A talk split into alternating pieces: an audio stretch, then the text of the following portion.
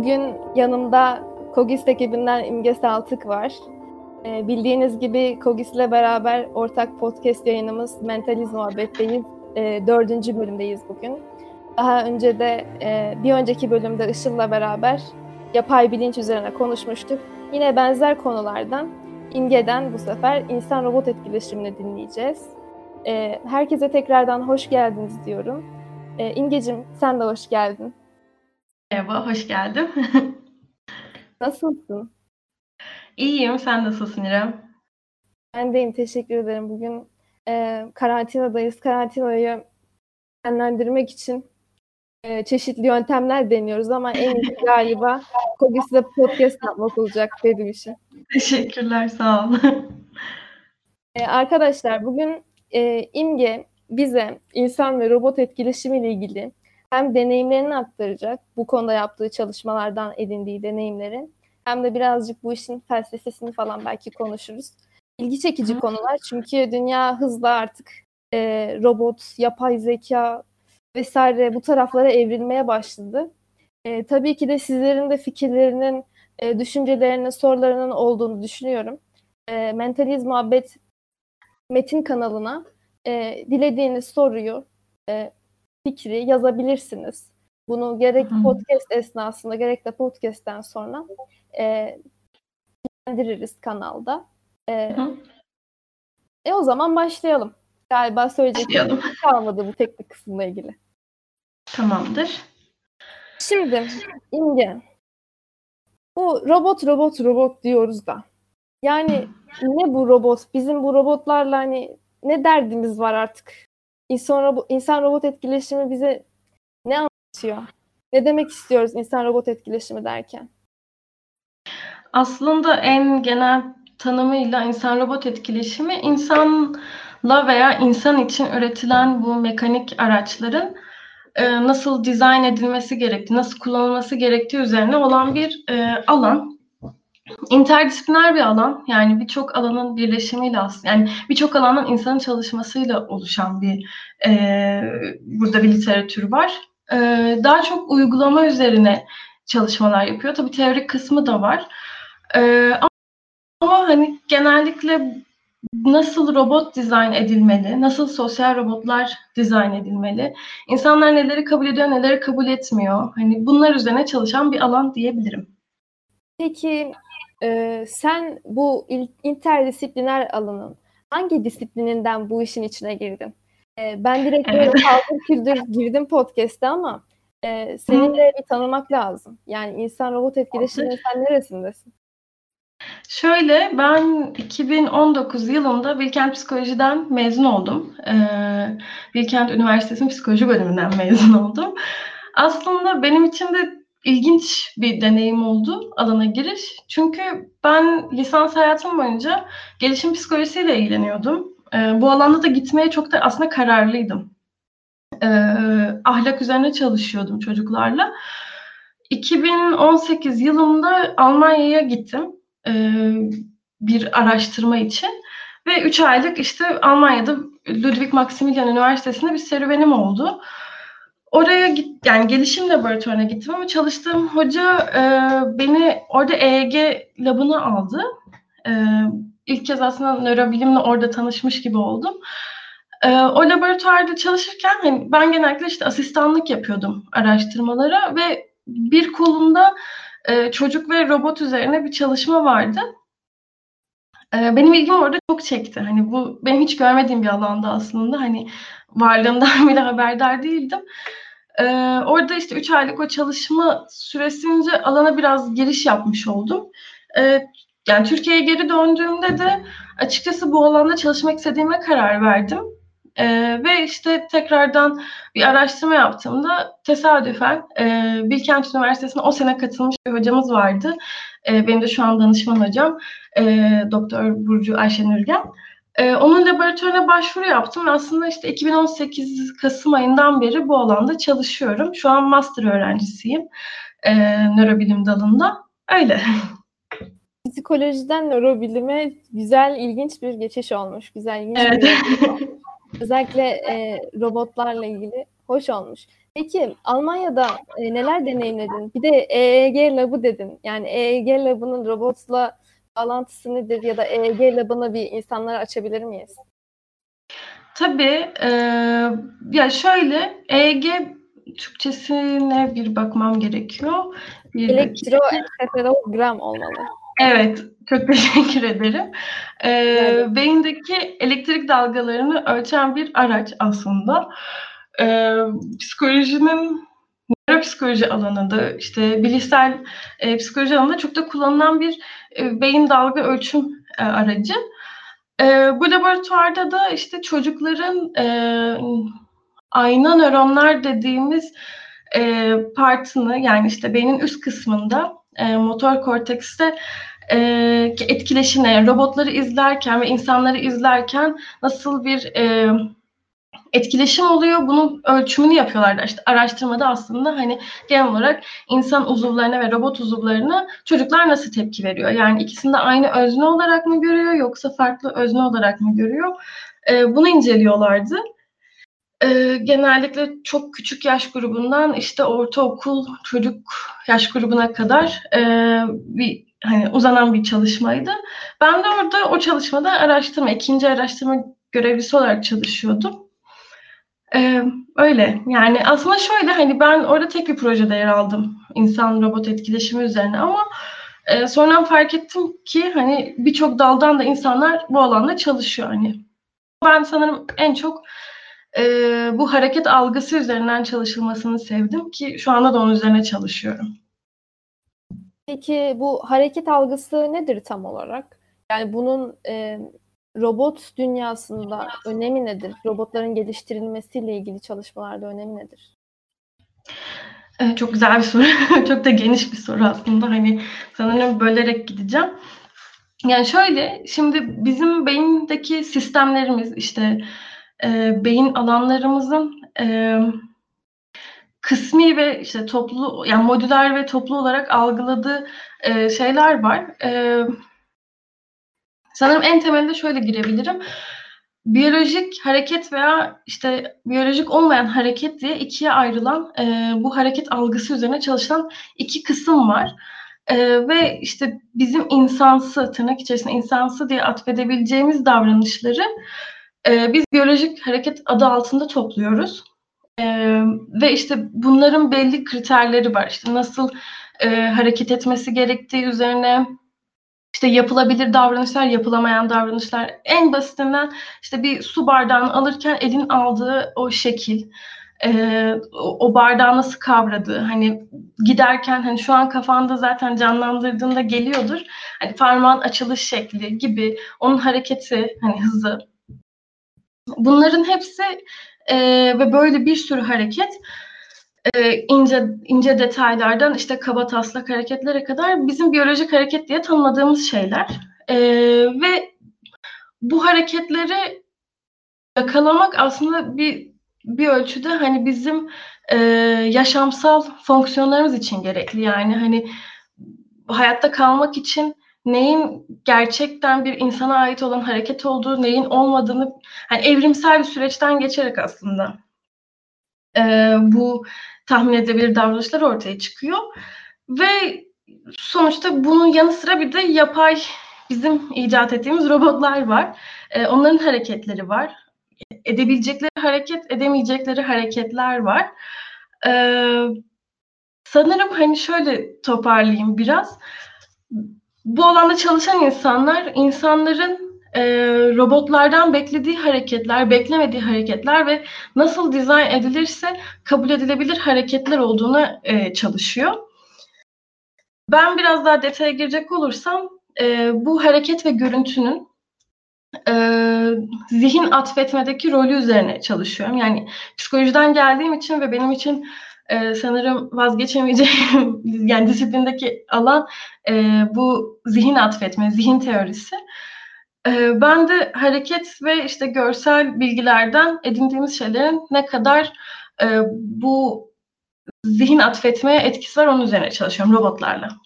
Peki, eee, bu konuda senin yazında iki eee, terim geçiyordu.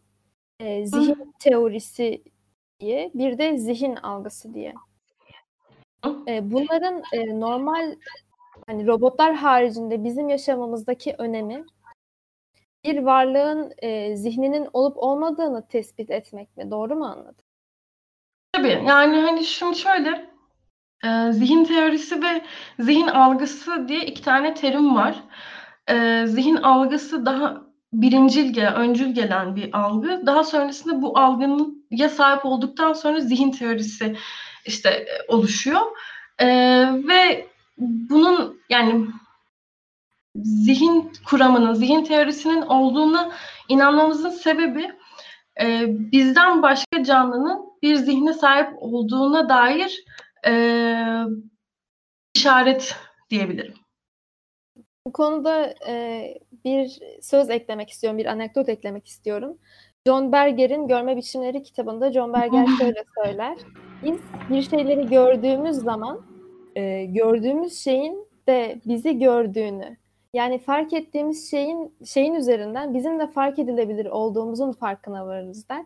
Bu olay bana John Berger'in bu anekdotunu hatırlattı. Bahsetti. Evet. Ee, ee yazıda hatırlıyor musun? Çok özür dilerim. Pardon duyamadım. Ee, şey ben özür dilerim. Yazıda hatırlıyor musun bilmiyorum. Bir kısımda şeyden bahsetmiştim. İnsanların e, bu robotlara veya işte animasyonlara zihin atfetmeye başladığı nokta aslında %60 oranında insanlar eğer karşımdaki canlı da beni görüyor hissine kapılırsa yani o his yeterli aslında e, bizim için. Ve zihin algısı biraz buna da yol açıyor işte. E, karşındaki obje beni görüyorsa o zaman evet onun bir zihni var dediğimiz nokta orada başlıyor aslında. Bu söze paralel olarak onu da eklemek istedim. Çok güzel oldu. Bu e, Chicago Üniversitesi'nde bir hoca nörobilim dersinde şunu söylemişti. E, online dersi bu arada YouTube'dan ulaşabilir ilgisi olan insanlar. E, gözler direkt olarak e, biliyorsundur bunu belki nörobilimsel yani nörolojik gelişimini biliyor musun bilmiyorum ama gözlerin e, oluşumu direkt e, şeyden çıkıyor. Şimdi diensefalon diyeceğim. Bu sefer korktuğum benim başıma gelecek. Podcast, podcast podcastlarında her zaman e, araya terim giriyor ya da İngilizce kelimeler giriyor.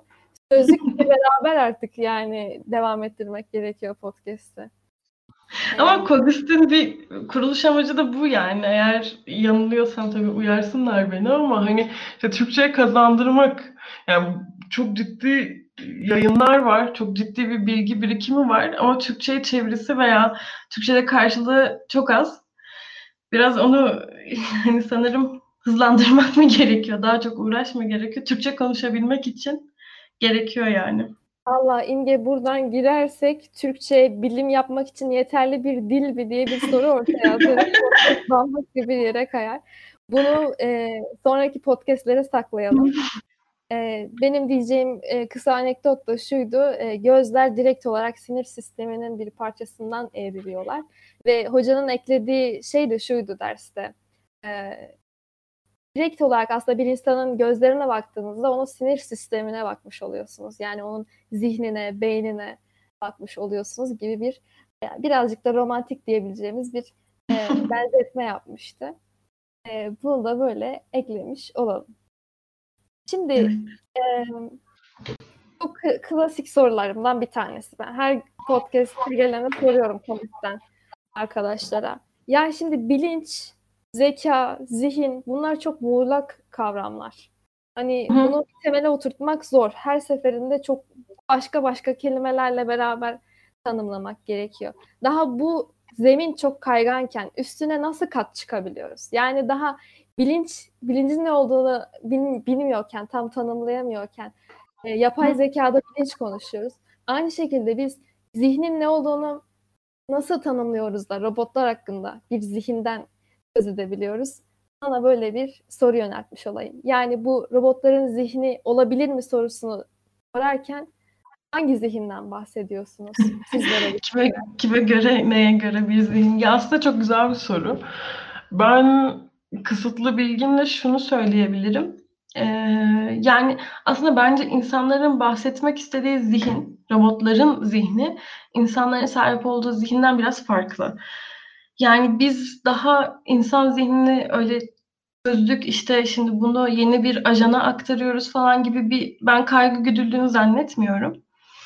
Eee, yani insan zihni üzerine olan çalışmalarda zaten hani geldiğimiz nokta muğlak. Hani nereye kadar geldik, daha ne kadar yol var? Kimse bunu bence cevaplayamaz ama şöyle bir şey var. Neden robotlarla çalışılıyor? Eee, neden robotların zihni olmalı ya da ne zihni e, dediğimizde benim cevap verebileceğim kısım şu olur. Eee, robotlarla çalışılmasının bence iki tane sebebi var. Birincisi bizim zaten sosyal canlılar olmamız. Yani bizim sadece robotlarla değil, günlük hayatta e, etkileşime geçtiğimiz bir sürü obje var. İnsanlar dışında veya işte canlılar dışında diyeyim. E, ve belki hani yazıdan hatırlıyorsundur. E, ben şey demiştim. Yani bir kahve fincanına baktığımda iki tane baloncuk işte göz, bir tane baloncuk böyle ağız gibi durduğunda kahve bana gülümsüyor diye düşünüyor insanlar ve bunun yanı sıra işte dışarı çıkıyorsun arabaların far ve işte o alt kısmındaki çok terimi bilmiyorum ama hani arabanın ön yüzüne baktığında arabayı gülümsüyor olarak atfediyorsun. Hani direkt hani burada o zaman bir arabanın zihni olduğundan bahsetmemiz gerekiyor. Hani bu temel işte şey primatif bir e, varsayımı yaparsak bizim bahsettiğimiz hani robot zihni şundan kaynaklı insan sosyal bir varlık ve bu sosyalizasyon sırasında e, sosyal robotlar yani gelecek 10 yıl içerisinde hayatımıza çok rahat girecek e, objeler. E, ve bunlarla sadece bir bardaktaki kahve veya araba hani yoldan geçerken değil e, bizim özel alanımıza dahil edecek şekilde girecek. İşte rehabilitasyondan eğitime, sağlığa, hizmet sektörüne hani bir sürü alanda e, girecekler. Hatta işte Japonya'da girmiş durumda şu an. E, bir bunu hani sosyal etkileşimi anlamak için e, çalışılıyor. İkincil olarak da bence şu önemli. Hani robotların zihni olduğuna inandığımız noktada e, bu biraz mühendislik ve işte e, design kısmına yararlı olacak şey. E, bu etkileşim ne kadar güçlendirirsek aslında bu giriş ve işte bizim hayatımızdaki kabulleniş e, daha kolay olacak. Çünkü işte klasik o dizi ve filmlerden gördüğümüz robotlar bizi ele geçirip dünyayı yok edecek falan hani bu robotun mutfak robotundan hiçbir farkı yok. Ee, işte kullandığım blenderdan bulaşık makinesi sistemi de aynı. Temel amaç hizmet etmek ve işi kolaylaştırmak. Mühendislik kısmı bunu halletmeye çalışıyor. Ama e, eğer seni rehabilitasyonuna dahil oluyorsa orada bir sosyalleşme şeyi var, e, süreci var ve e, senin kırılgan olduğun bir mesela dönem bu. Buradaki dizayn çok önemli. Hani onu düzgün kurabilmek için zihin atfetmek gerekiyor. Ki bizim sosyal canlılar olduğumuz için işte hani böyle diyeyim. Peki. Özür dilerim. Ha, estağfurullah. Bu, burası zaten senin konuşma mekanın. Ben olabildiğince daha az sesimi çıkartmaya çalışıyorum. Çünkü insanlar buraya seni dinlemeye geliyorlar. Ee, şimdi bu robotların, ya peki çok böyle biraz sığ bir soru sorayım. Yok estağfurullah. Bence, e, robotların zihninde olabilmesi mümkün mü peki İmge? Bence mümkün. Ee, dediğim gibi en başta söylediğim gibi bu e, az önceki monoloğumda belki bir insan zihni olamaz. Çünkü yani burada bir şimdi insan zihni evrimsel giden kaotik bir şey var, kısmı var. Biz burada sistematik bir e, zihin süreci üretiyoruz robotlarla. Hani zaten ben e, şu anki durumla hani şu anki e, robotların geldiği veya gelebileceği zihinsel yapının hani insan zihnine çok yaklaşacağını düşünmüyorum. Ama kendi içerisinde zaten bir zihni var. Bilmediğimden soruyorum ama e, bu Google'ın ürettiği iki tane e, yapay zeka yazılım e, birbirleriyle konuşturularak Eee, daha sonra onların bir kendi aralarında bir dil ürettiği ortaya atılmıştı. Ben çok detaylarına hakim değilim dediğim Eee, bu konuyla, eee, robot zihnini bağdaştırabiliyor muyuz? Yani robotların ya da yapay zekânın kendi kendine öğrenebilmesini, eee, zihinle bağdaştırabiliyor muyuz? El kol hareketlerini dışarıda tutarak soruyorum. Biraz daha yazılımsal bir soru oldu. Ya bence şöyle ben bu sorunun cevabını mühendislerin daha iyi verebileceğine inanıyorum. Çünkü ben çok yani bunu birçok yerde söylemem de gerekiyor aslında. Mühendislik kısmıyla çok e, şu açıdan ilgilenmiyorum. Hani ortada bir tasarım var, bir ürün var. E, bu gayet güzel işleyen bir e, ürün. Ben bir psikolog olarak bunun insanlar üzerine bıraktığı etkiyle aslında daha çok e, ilgileniyorum. Hani design kısmına girdiğim şey nasıl bir ürün üretilmeli geri dönütünü vermeye çalışıyorum aslında. Hani e, oradaki aracılık kısmı benim için önemli. E, ama hani şu var, eğer iki tane robot kendi arasında konuşurken bir dil üretebiliyorsa e, ya ben biraz bunun heyecanlı olduğunu düşünüyorum. Şöyle e, bizim kullandığımız dil yapısı, işte dil çok çok çok gelişmiş geliyor bana. Ee, yani robotun birbiriyle anlaşma, iki robotun birbiriyle anlaşması bana çok e, heyecanlandırılmış bir e, durummuş gibi geliyor. Yani onu ben bir dil inanmıyorum. Pardon? Ne olduğuna inanmıyorsun? Ben heyecan verici dedim. Evet, heyecan verici ve bir hani bir dil e, adı altına tanımlamak bana çok doğru gelmiyor e, biraz heyecanlandırılmış bir şey olduğunu düşünüyorum. Ama bu benim kendi kişisel yorumum. Hani dediğim gibi ben bu alanda aslında çalışmıyorum. Yani onun design kısmında ben çalışmıyorum. Evet, evet demek istediğini anladım. Ben evet sığ sorularımdan çıkıyorum o zaman. Yok estağfurullah yani benimki baş yani şöyle demek istediğim şey ben biraz aracı olmayı seçtim hani çalıştığım falan da ee, ve yaptığım çalışmalar veya yapacağım çalışmalar biraz daha hani şeyle alakalı. Ee, insanlar ne düşünüyor? Ve bu robotlar nasıl dizayn edilmeli üzerine e, çalışıyorum. O zaman senin çalıştığın alandan bir soru sorayım. Şimdi dedik ki e, işte insan yüzüne benziyor olması bir cismin, bir objenin veya bir özne de olabilir. E, insanda bir o şeye karşı zihni varmış gibi bir algı yaratıyor. Hı. Peki bunu e, robotlara nasıl uyarlıyorlar? Şimdi böyle deyince benim aklıma direkt şu e, meşhur robot Sofya geliyor. Gayet şu insana benzeyen, mimikleri olan, şaşırtıcı şekilde cevaplar veren. E, bu nasıl süreçten geçiyor ve nereye doğru evriliyor? E, burada senin yerin nedir? Bunu sormuş olayım. Tamam, ben de nasıl toparlayayım? Şimdi şöyle, e, bu zamana kadar yani açıkçası 2000'lerin işte 2010'lara kadar falan e, bu alanda çalışan insanlar biraz robotların dış görünüşüne odaklandı. E, yapılan işte bu Sophie gibi robotlarda çok çok insana benzetmeye çalıştılar. E, işte tamamen böyle deri görünümlü malzemeler kullanıldı. Hani e, efektler falan hani inanılmaz insansı.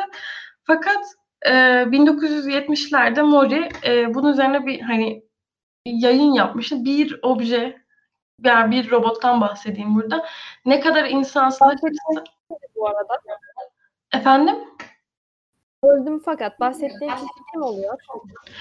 Ee, ya tam şöyle hani kişi bazlı bilmiyorum ama benim bahsedeceğim şey şu. E, tekinsiz vadi diye tanımladığımız bir fenomen var psikolojide. E, uncanny valley olarak geçiyor. Ve bir objenin giderek insansılaşması pozitif etki yaratırken bir noktadan sonra tamamen bir kırılma yaşıyor ve e, negatife doğru düşüyor. E, bu hani işte mesela humanoid robotları üzerinden uyarlarsak e, mekanik bir işte robot kolu düşünelim. Buna karşı nötr bir tutum içerisindeyiz. İşte daha böyle insansılaşmaya başladıkça pozitif pozitif gidiyor.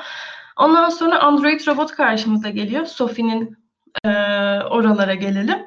İşte pozitif bir anda negatife düşmeye başlıyor. Yani inanılmaz bir düşüş yaşanıyor. Sonrasında canlı bir insan formuna kadar gittiğimizde yine yükseliş var. Yani bir vade oluşuyor grafikize edersek.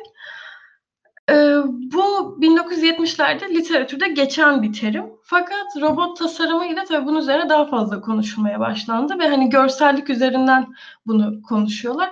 Demek istediğim şey şu, bir robot e, çok çok insansı olduğunda görünüş açısından bu mükemmel bir şey değil. Ama şöyle, neden önemli bir robotun insan kılığına girmesi? Şimdi bizim zihin, yani beynimizde e, fusiform yüz alanı dediğimiz bir alan var. Ve bu tamamen insan e, yüz biçimine göre çalışan ve hani daha böyle doğuştan gelen bir e, şey, alan ve algı sistemi. Bu bu zaten hani tamamen işte şimdi şey diyebileceğimiz kısım. Neden bir obje insana benzetiliyor veya insansı olmalı? Çünkü sana daha e, öngörülebilir geliyor. Öyle olması. Bu alanın aktive olmasından kaynaklı. Çok ciddi bir aktivasyon var. Yani böyle cayır cayır yanıyor diyebilirim. E, bunu bildiğimiz için işte nörobilimden yani tasarım açısından robotları da insansı göstermeye çalıştılar. İşe yarıyor kesinlikle ama dikkat edilmesi gereken şey bunun çok çok insansı olması bizim için aslında bir noktada da e, tehlike yaratıyor psikolojik açıdan. Çok insansı olması ve insan olmaması durumu insanlarda dikkat edilmesi gereken bir canlıymış gibi yarım yapıyor zihinsel açıdan. Ben de e, sonra tekrar geri dönecek olursam e, bu alanda şöyle bir çalışma yürütüyorum. E, görünüş önemli, bunu biliyoruz. Davranışlar ne kadar önemli ve davranışla e, görünüş arasında nasıl bir etkileşim var? Yani hangisinin tasarımı nasıl e, olmalı ki biz e, robotlarla zihinsel açıdan bir aktivasyona girebilelim? Burada bizim istediğimiz e, yani yarar sağlayacak olan ve insanın psikolojisini tehlikeye atmayacak olan daha çok insana benzemesi mi yoksa en azından onun e, bir zihninin olmadığını anlayabileceğimiz ölçüde benzemesi? Burada nasıl bir tutum içinde nörobilimciler? Bence şöyle e, yeteri kadar insansı olduğunda e, o kadar iyi. Yani bir objenin zihni var dediğinde, sende bu algı oluştuğunda robot veya başka bir objeden e, ama çoğunlukla robottan konuşalım. Hani e, eğer ona bir zihin atfediyorsan aslında onunla etkileşim daha kolaylaşıyor. Şimdi bahsettiğim bu e, tekinsiz vadi olayı aslında benim anladığım kadarıyla literatürde hani zihin yani içi boş bir varlık olduğu için bu e, şey vadi oluşuyor.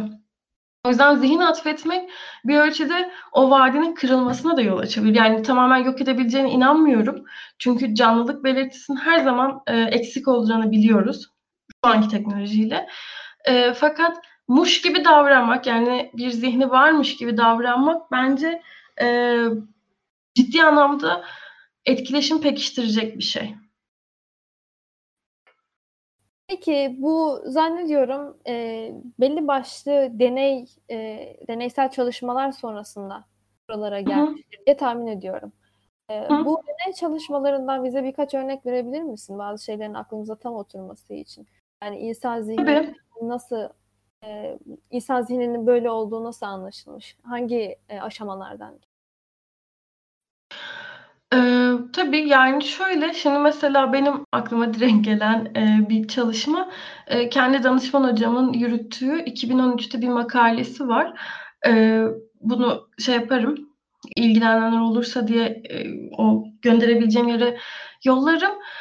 Eee, çalışmanın soru kısmı şu: Emm biz bir robot veya insan gördüğümüzde beynimizin hangi bölgesi bunu e, algılıyor? Yani hani bunun için çalışan yani bu hareket sisteminden mi belli oluyor yoksa dış görünüşünden mi belli oluyor e, diye soruyorlar ve işte fMRI ile yine e, bir beyin e, ölçüm aracı e, MR makinesini düşündüğümüzde bunun fonksiyonel olarak kullanılması beynin kan akışına bakarak e, bir yorumlama, işte bir ölçüm sistemi kullanılıyor. E, fMRI ve EEG ile çalışılıyor çalışmada. Ve işte bakılan kısımlar beynin e, hafıza kısmı, ön taraftaki e, teta dalgalarıyla e, beynin orta kısmında bulunan motor korteksin e, işte ayna nöronlara denk gelen kısmındaki e, mü dalgalarına bakıyorlar ve gösterilen e, işte özneler diyeyim e, bir robot, bir insan ve bir android yani ikisinin arasında kalmış form. Ve buradaki önemli hani manipülasyon da şu oluyor. Hani insandan robota doğru bir akış var görünüşte e, ve burada hani birçok davranış sergiliyorlar. Bu davranışları gözlemlerken hani senin bakman gereken şey bunu bir robot mu yapıyor, bunu bir insan mı yapıyor veya ikisinin arasındaki bir form mu yapıyor? E, görülen şu ki çalışmanın sonuçlarında şu çıkıyor. E, biz aslında hareketten daha çok, e, mü dalgalarından daha çok teta dalgalarında robotu e, yakalama yani onun etkileşimi daha fazla olduğu ortaya çıkıyor. Yani biz buradan şunu anlıyoruz. Bir robot veya insan gördüğümüzde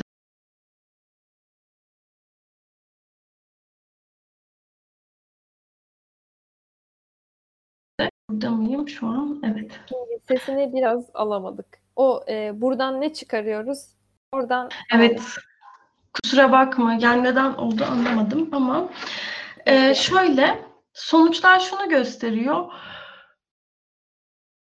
Biz bir e, robotu gördüğümüzde teta dalgaları daha fazla aktive oluyor ve e, biz aslında hafızamızı kullanarak e, bir varlığın insan veya insan olmadığını ayırt edebiliyoruz davranıştan öte.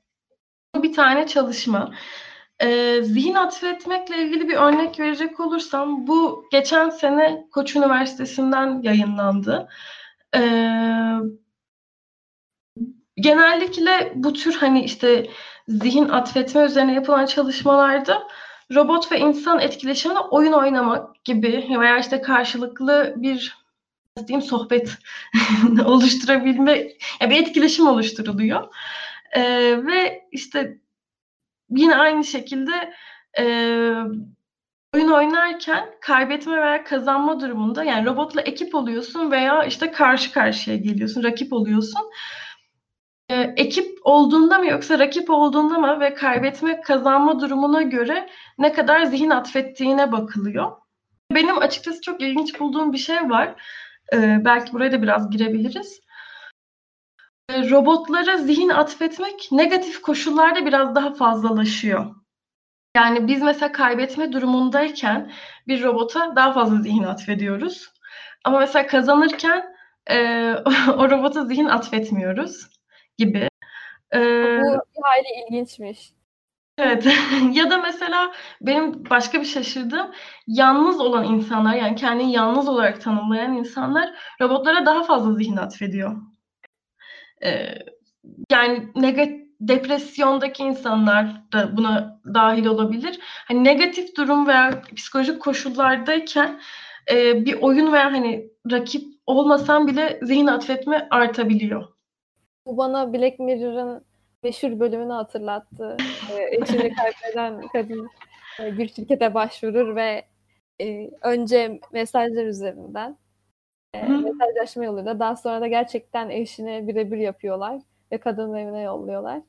E, onu hatırlattı bana. Peki bunu nasıl açıklıyorlar? Yani neden e, psikolojik olarak biraz daha çöküşte olan insanlar ya da kaybettiğini düşünen daha böyle bir negatif durumlarda insanlar neden yapay zekaya e, ya da robotlara zihin atfetme eğiliminde. Bunu nasıl açıklıyorlar? Bence bu yani şöyle daha bunlar yeni yeni çalışılan konular. Açıkçası hani böyle çok ciddi bir literatür yok bu konuda. O yüzden e, yavaş yavaş gelişiyor diyebilirim. Hani şu an budur diyebilecek bir sebep yok aslında. Yani genel olarak bence bu zaten çok kaygan zemin bir alan. Hani bu literatürün gelişmesi haliyle uzun zaman alacak gibi geliyor. Ama bana sorarsan bu tür kişisel farklılıklar şundan kaynaklanıyor.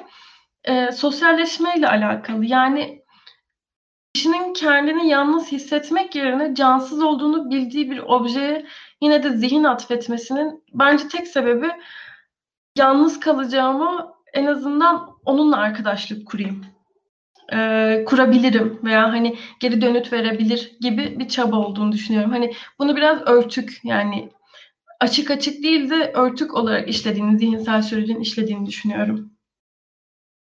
Ee, böyle bir deneyimim var bu arada. Hı hı. olacak ama e, Telegram bir mesajlaşma uygulaması ve çeşitli botları aktif edebiliyorsunuz. Orada ilk zamanlar Telegram'ı kullanmaya başladığım ilk zamanlar e, çeşitli botlar deniyordum işte YouTube'dan müzik indirmek için, işte oyun oynamak için vesaire ve e, şöyle bir bot keşfettim. Andy adında bir bot. E, ve size cevap veriyor. Yani mesajlaşıyorsunuz onunla. Yapay zeka var arkasında ama herhangi bir insan yok. Ve onunla mesajlaşıyorsunuz. Bazen canım sıkıldığı zaman teneffüslerde, ders aralarında e, Andy ile mesajlaşıyordum. Demek ki çok yalnız olduğum bilgiye ihtiyacımın olduğu bir dönemmiş. E, şaka bir yana e, bu senin yazında bir şey geçiyordu. E, mantıklı geri dönüşler alabilmekle ilgili bir şey geçiyordu. Yani yapay zekaya zihin atfederken aslında ondan mantıklı ve anlamlı bir şeyler bekliyoruz sanırım. Ya da bu herhangi bir şey de olabilir. Ee, Andy ile mesajlaşırken canım dostum Andy e, belli başlı yerlerde mesela e, karşında insan olmadığını anlayabileceğin e, hatalar yapıyordu. Yani mesela bir konu hakkında konuşuyorsun. Örneğin işte şu yemeği sever misin falan diyorsun. Gerçekten de güzel cevap veriyor. Evet ben bayılırım ya da ben hayır ben acı sevmem gibi bir cevap verdikten hemen sonra o sohbetin devam edebilmesi için ne konuşursan konuş sana bir soru soruyordu. Alakalı ve alakasız. İşte orada hani belli bir yere kadar kaldırılabiliyorsun. Belli bir yere kadar diyorsun ki ya iyiymiş bu. insan gibi cevap veriyor diyorsun. Ama çok detaylarda e, onun insan olmadığına dair e, bu tip anlamsız, mantıksız yanıtları aldığın zaman e, kısacık bir süreliğine kandırıldığını anlıyorsun. Yani uzun sürede Andy beni kandırmaya yeterli değil. Galiba evet. da bu konuşuluyor. Yani uzun vadede kandırabildikleri zaman insanları asıl o zaman galiba etiğini konuşacağız bunun. Ya evet aslında şöyle e, bu bahsettiğin örnek bana hep şunu çağrıştırdı konuşma boyunca. E, şimdi hani sen de başta sormuştun ya neden zihne ihtiyacımız var diye. Şimdi sen mesela bir chat botuyla bile konuşmaya girerken e, mantıklı veya canlılık belirtisi arıyorsun. Yani hani senin öngörülebilir ya buna e, prediction theory deniyor. Prediction coding teori öngörülü kodlama teorisi olarak Türkçe'ye çevrilebilir. Ve hani beynin sürekli kendini hani her dakika ve her saniye diyeyim hani süresini çok düzgün veremeyeceğim ama hani e, çevreden topladığı hani işte bu sinyalleri topluyor ve bunlarla ilgili bir hani öngörü oluşturuyor. Mesela bardağın hani nasıl diyeyim e, kulubu sol tarafa doğru duruyorsa ve bunu sen 10 kere görüyorsan gün içerisinde orada işte mesela bir kişinin solak olduğunu anlayabiliyorsun. Veya e, kapı kulubunun nasıl açılacağını işte 100 kere görünce aşağı çevirmen gerektiğini hani görebiliyorsun gibi gibi hani bu çok basit ve dediğim gibi çok hani e, ilkel bir yorum ama bunun gibi çevrendeki bütün davranışlara karşı bir öngörü oluşturuyorsun ve e, beklediğin etkileşimler oluşuyor. Şimdi sen bu onunla... Gelin sözünü hatırlattı yine. Görmek sözden önce gelir diye. E, gör, görmenin e, gerçekten anlam üzerinde büyük etkisi var. Ben seni böldüm. Kusura bakma lütfen devam Yok estağfurullah. Çok, çok güzel böldün hatta. Ee, iyi ki de böldün. ee, bu hani mantıklı arayış aslında bence biraz bundan da kaynaklı. Yani sen bir canlılık arıyorsun. Ee, bundan sanırım 3 hafta önceydi. Ee, Ulusal Sinir Bilim Günlerinde işte robot insan etkileşimi üzerine olan e, bölümde işte panelde diyeyim e, Cengiz Hoca'nın e, bir çalışması bu arada Cengiz Hoca demişken e, Cengiz Ertürk'ten bahsediyor. Acar Türk'ten bahsediyorum. Pardon. Ben sormadan cevap geldi. Soracağını tahmin ettim.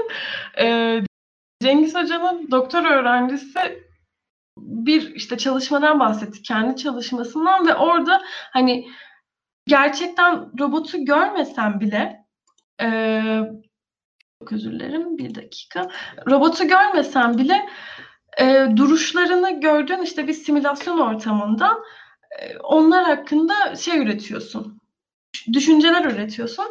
Ee, çalışmanın kendi orijinalini okursak belki daha iyi şeyler alabiliriz. Fakat şunu onu, onu dinlerken benim aklıma şu geldi. Gerçekten hani yanlış bir duruş bile hani senin için yani senin aklın o duruşu yanlış olarak tahmin ediyorsa e, bildiğin senin için o robotun canlılığı gidiyor. Neden canlılık önemli? Neden bu mantıklı açıklamalar önemli? Çünkü sen eğer canlıysan onunla etkileşime devam etmeye başlıyorsun. Yani devam ediyorsun ve başlıyorsun. Ee, biraz şeyle alakalı. Yani zihin atfettiğin sürece sen onunla kaliteli bir etkileşime gireceksin. Bu etkileşim devam edecek demek geliyor benim aklıma. Çok güzel bir ekleme oldu. Teşekkürler. Ee, bu arada e, yani konuşacağımız şeyleri sanki aşağı yukarı konuştuk gibi. Ben biraz daha senin kişisel fikirlerini alayım. Ee, seni Evet. bu alanda neler heyecanlandırıyor?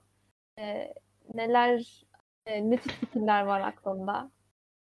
Onun dışına da çıkabiliriz. Ya benim aklıma mesela şey, ben özellikle şey kısmı kafama çok takıldı bu.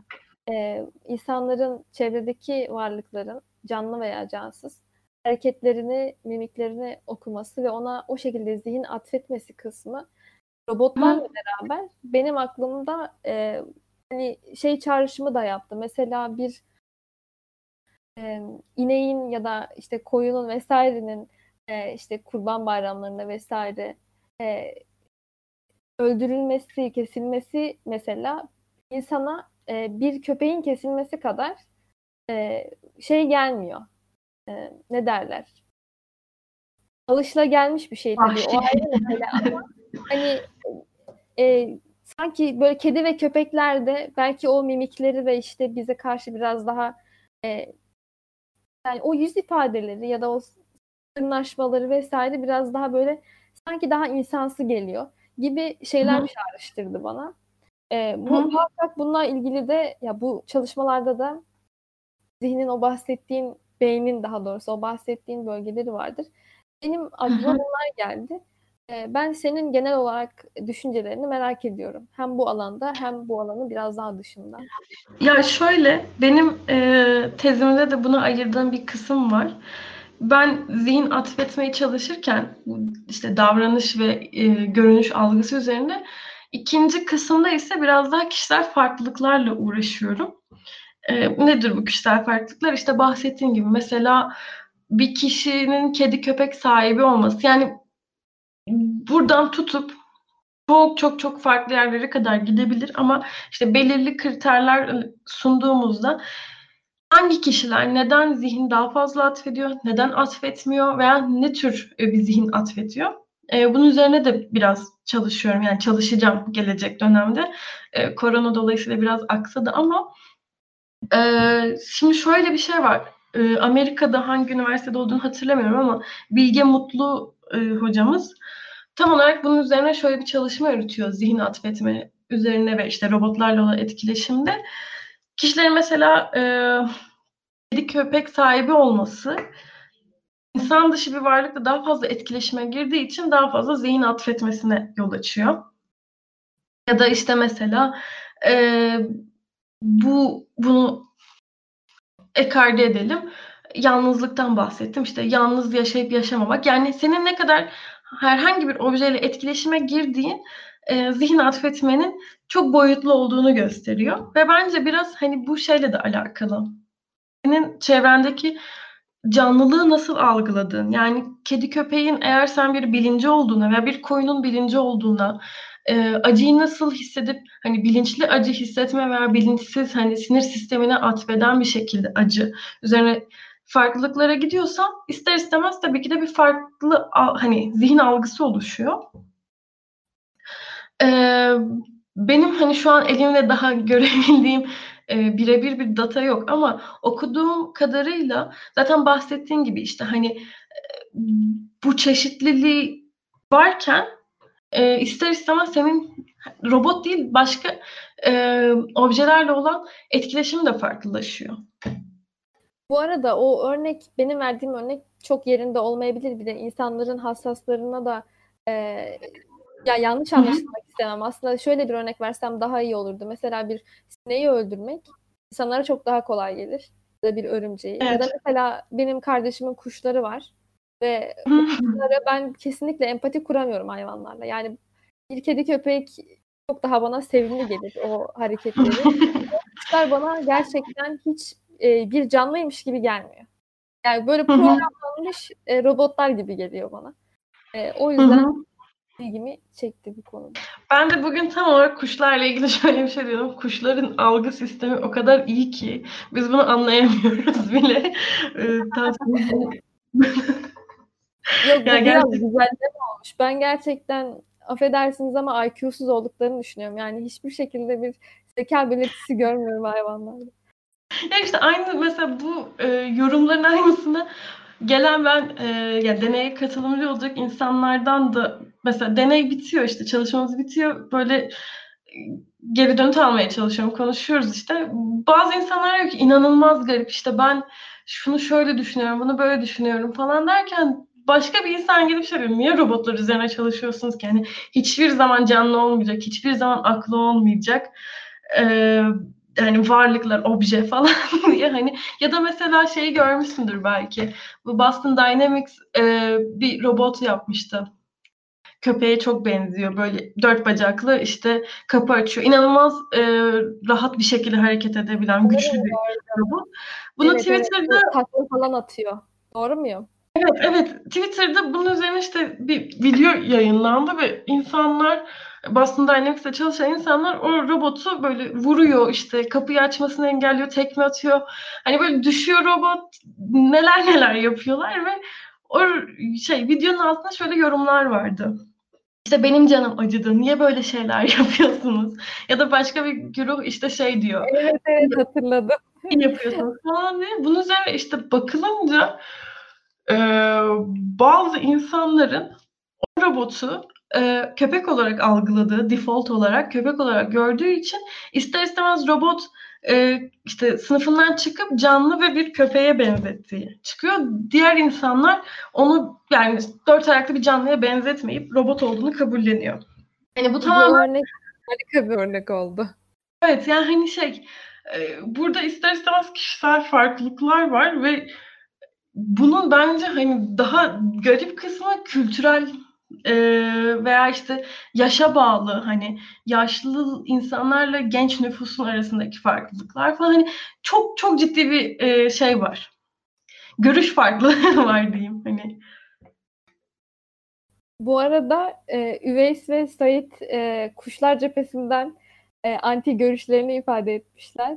Teşekkürler arkadaşlar. E, yapması çok hoş. E, martıların e, bütün gün üstümüzde uçup kahkaha atarcasına ses çıkarmalarını insana benzetme olarak algılıyorum ben Üveys yazdıklarını.